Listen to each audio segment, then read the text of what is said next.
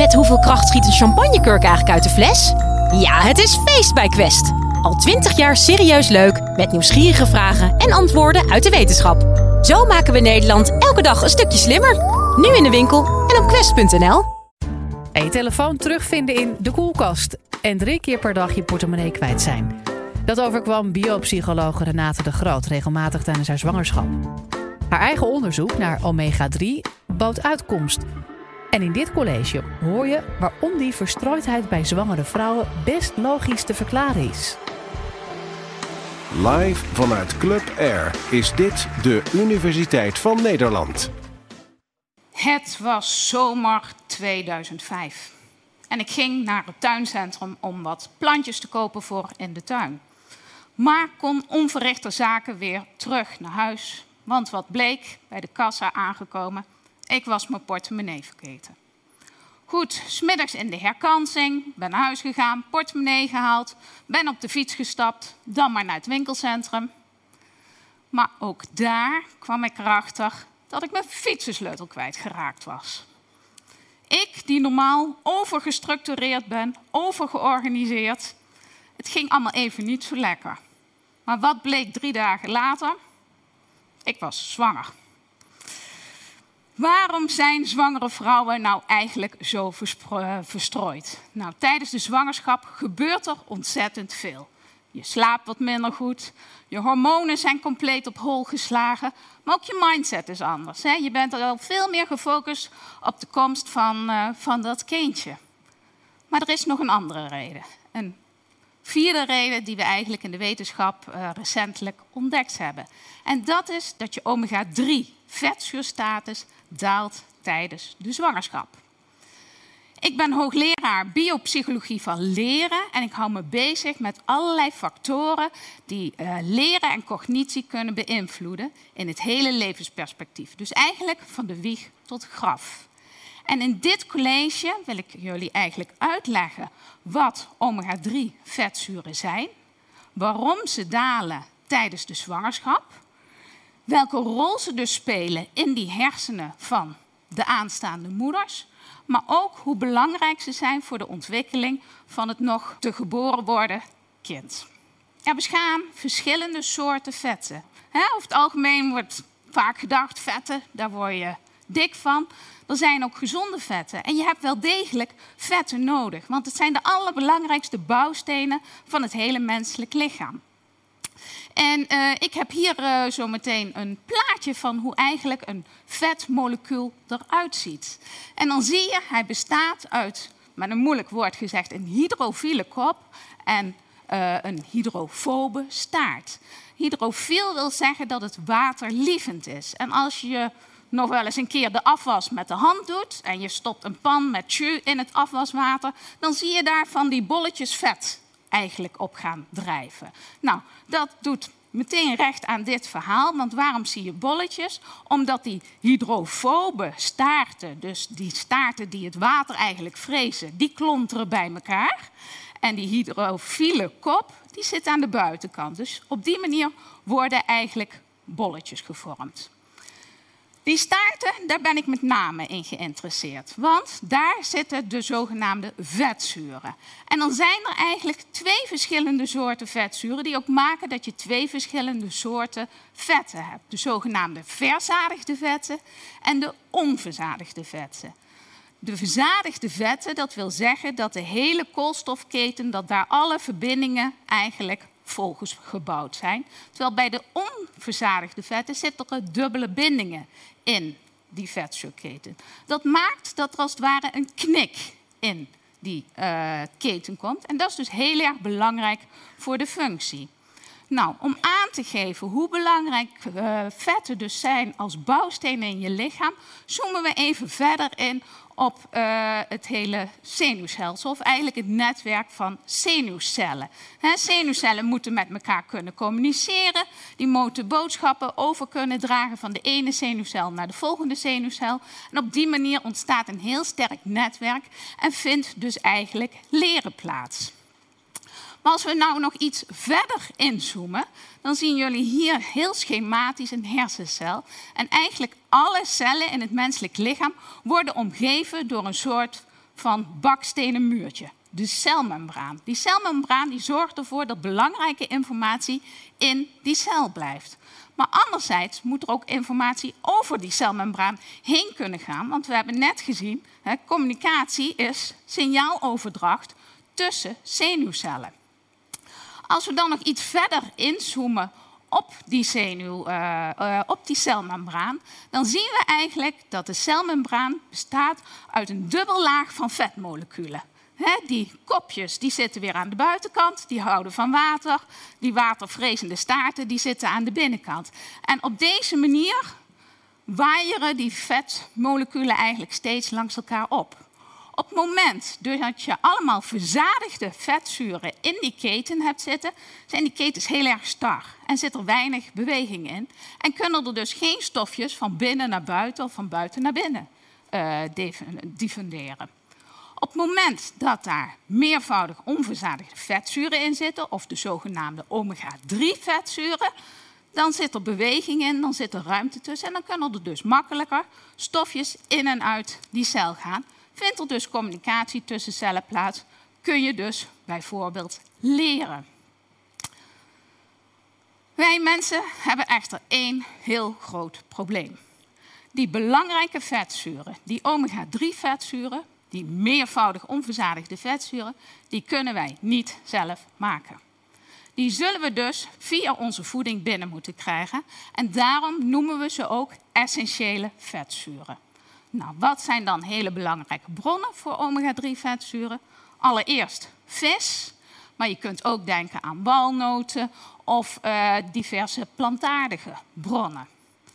Zit echter ook weer een addersje onder het gras, want van die plantaardige oliën, daar komt eigenlijk het oudervetzuur vandaan. Ons lichaam kan die omzetten in dat belangrijke omega-3-vetzuur, wat wij met een moeilijk woord noemen DHA, docosahexaeenzuur. Maar dat is een heel erg inefficiënt proces. Minder dan 5% wordt uiteindelijk dat belangrijke omega-3-vetzuur.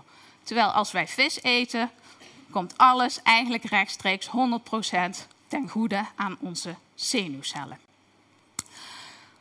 Maar goed, nu heb ik jullie eigenlijk verteld wat vetzuren zijn.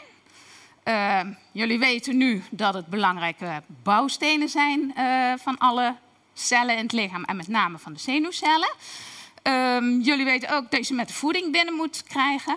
Maar wat gebeurt er nou eigenlijk met die omega-3 vetzuren tijdens de zwangerschap? Daarvoor uh, hebben wij een onderzoek uh, opgezet waarbij we bij vrouwen in beeld wilden brengen van nou, hoe verandert die vetzuurstatus nou eigenlijk over de zwangerschap?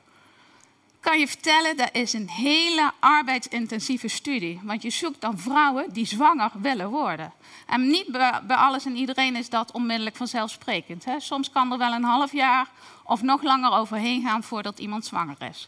En wij wilden mensen echt vanaf het moment van de conceptie tot helemaal aan het einde van de zwangerschap en elke maand een buisje uh, bloed hebben. Maar goed, dat is uh, gelukt. En um, wat zagen wij dus? Uh, nou, op de horizontale as zien jullie hier uh, de zwangerschap in weken. En op de verticale as zien jullie die vetzuurstatus, die omega-3 vetzuurstatus. En wat bleek, aan het begin van de zwangerschap steeg de vetzuurstatus. En naarmate de zwangerschap vorderde, daalde die in het bloed van de moeder. Laat dit nou precies overeenkomen met de ontwikkeling en de aanleg van het hele centraal zenuwstelsel, inclusief de hersenen van de ongeboren baby. Met name in het begin van de zwangerschap He, dan sluit die neurale buis, worden die hersenen aangelegd. Die moeder die gaat vetzuren mobiliseren, zodat die gebruikt kunnen worden voor de bouw eigenlijk van, uh, en de aanleg van dat centraal zenuwstelsel van het kind. Maar goed, naarmate die zwangerschap vordert, wordt die vetzurenvoorraad van die moeder, die wordt als het ware uitgeput. Ja, de vraag die dan ontstaat is eigenlijk van nou, en wat is nou het verband van deze dalende uh, vetzuurstatus met überhaupt hè, het cognitief functioneren van die moeder tijdens uh, de zwangerschap? Haar verstrooidheid. Nou, dat hebben we ook uh, onderzocht. Daarvoor hebben wij uh, uh, 60 zwangere vrouwen vergeleken met 60 niet-zwangere vrouwen. Die hebben we gevolgd vanaf week 14 van de zwangerschap tot 32 weken na de bevalling. En regelmatig ging ik daar uh, op bezoek om een aantal ja, cognitieve testjes te doen. Um, een van die testen was bijvoorbeeld, dan testte ik hun geheugen. Ik gaf ze een lijst met 15 woorden en elke seconde moesten ze een woord leren. En na afloop vroeg ik van nou, hoeveel woorden kun je je nog herinneren? Dan ging ik 20 minuten iets anders met ze doen. En na 20 minuten was het van, hé, hey, die woorden van het begin. Welke weet je nog? Nou, de resultaten daarvan zien jullie in het linkerplaatje. En de zwangere dames deden het aanmerkelijk slechter dan de niet-zwangere dames.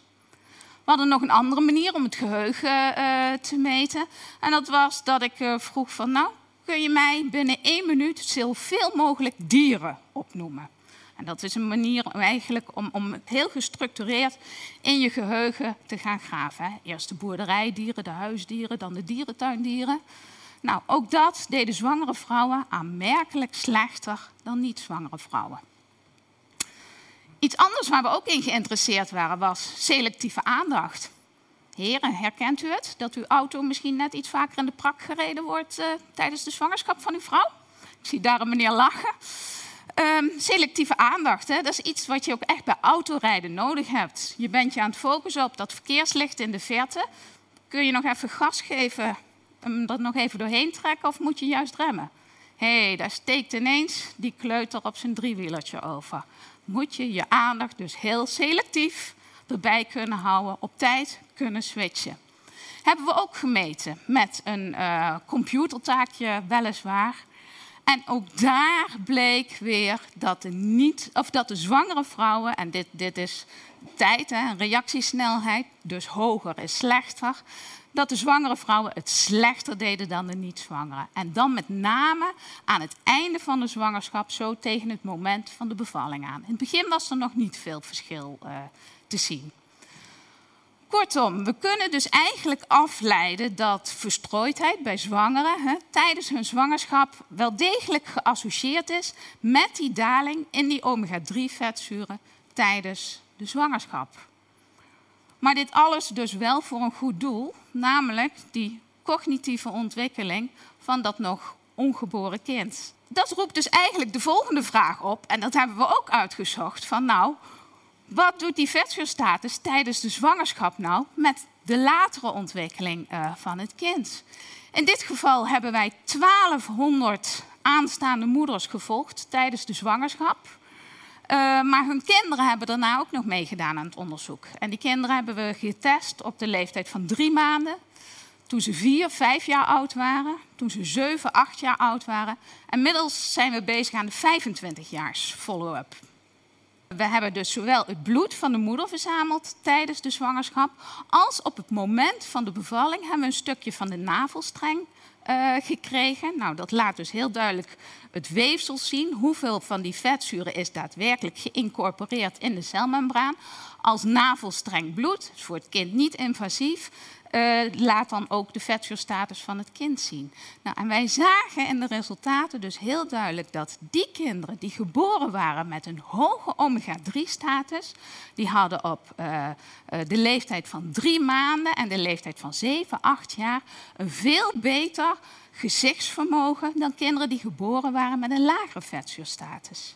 En ogen zijn ontwikkelingstechnisch eigenlijk een uitstulping van de hersenen. Je hersenen rijpen van achteren naar voren. Achterin liggen de meest basale functies, voorin de meer complexe functies. Hè. Uh, rijping, puberbrein, die prefrontale cortex pas op het allerlaatste moment. Maar ogen zijn dus rijpingstechnisch een uitstulping van de hersenen. Dus deze studie liet duidelijk zien dat er dus een verband was tussen een hoge omega-3-status bij de geboorte en die gezichts, uh, dat gezichtsvermogen op de leeftijd van drie maanden en zeven, acht jaar. We hebben ook gekeken naar de motorische ontwikkeling. Ze moesten allerlei testjes doen. Hoe goed konden ze balanceren op, uh, op één been? Dan kun je ook een score aangeven. En ook daar zagen we weer die kinderen die geboren waren met een hoge omega-3-status bij de geboorte, hadden een betere ontwikkeling uh, op de leeftijd van uh, vier jaar. Het opvallende was dat we ook op die leeftijd van vier jaar bij die kinderen weer die omega-3-index meten in hun bloed. En die vertoonde geen associatie. Dus er lijkt hier wel degelijk sprake te zijn van zogenaamde prenatale programmering. Dat de voeding tijdens de zwangerschap al een rol speelt in de latere ontwikkeling van het kind.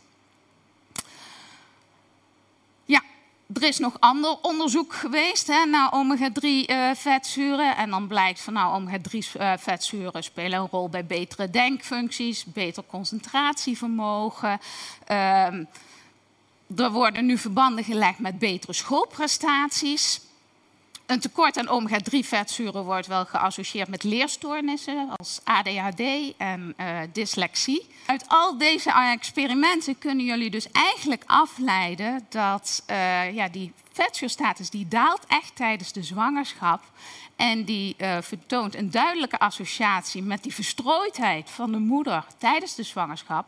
Maar alles wel ten behoefte van de goede cognitieve ontwikkeling van het kind in, uh, in zijn of haar uh, toekomst. Dus ja, als ik uh, jullie advies mag geven, dan zou mijn advies vooral zijn: probeer minimaal twee keer per week vette vis te eten. Gebakken zalm, stukje tonijn, makreel. Um, voor de vegetariërs onder jullie iets lastiger. Maar dan avocado, walnoten, zeewier wellicht. Um, het helpt niet alleen tegen de verstrooidheid van de moeders, maar goed, het gaat het kind ook uh, ten goede komen. Ja, wil je dan nog een stapje verder gaan, dan adviseer ik vooral borstvoeding te geven. Borstvoeding is ook heel erg rijk aan de omega-3 vetzuren.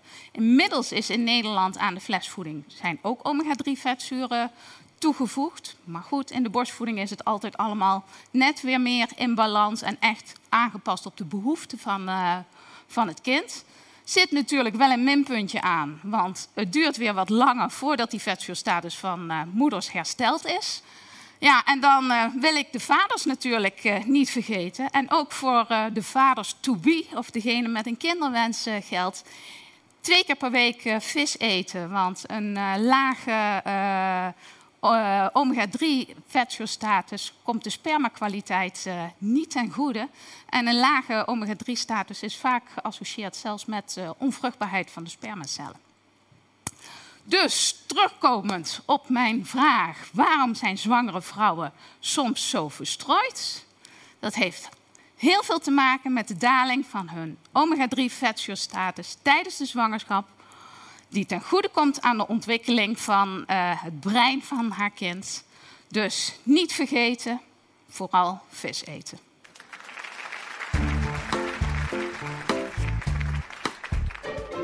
Wil je nou meer afleveringen van de Universiteit van Nederland horen? Check dan de hele playlist en ontdek het antwoord op vele andere vragen.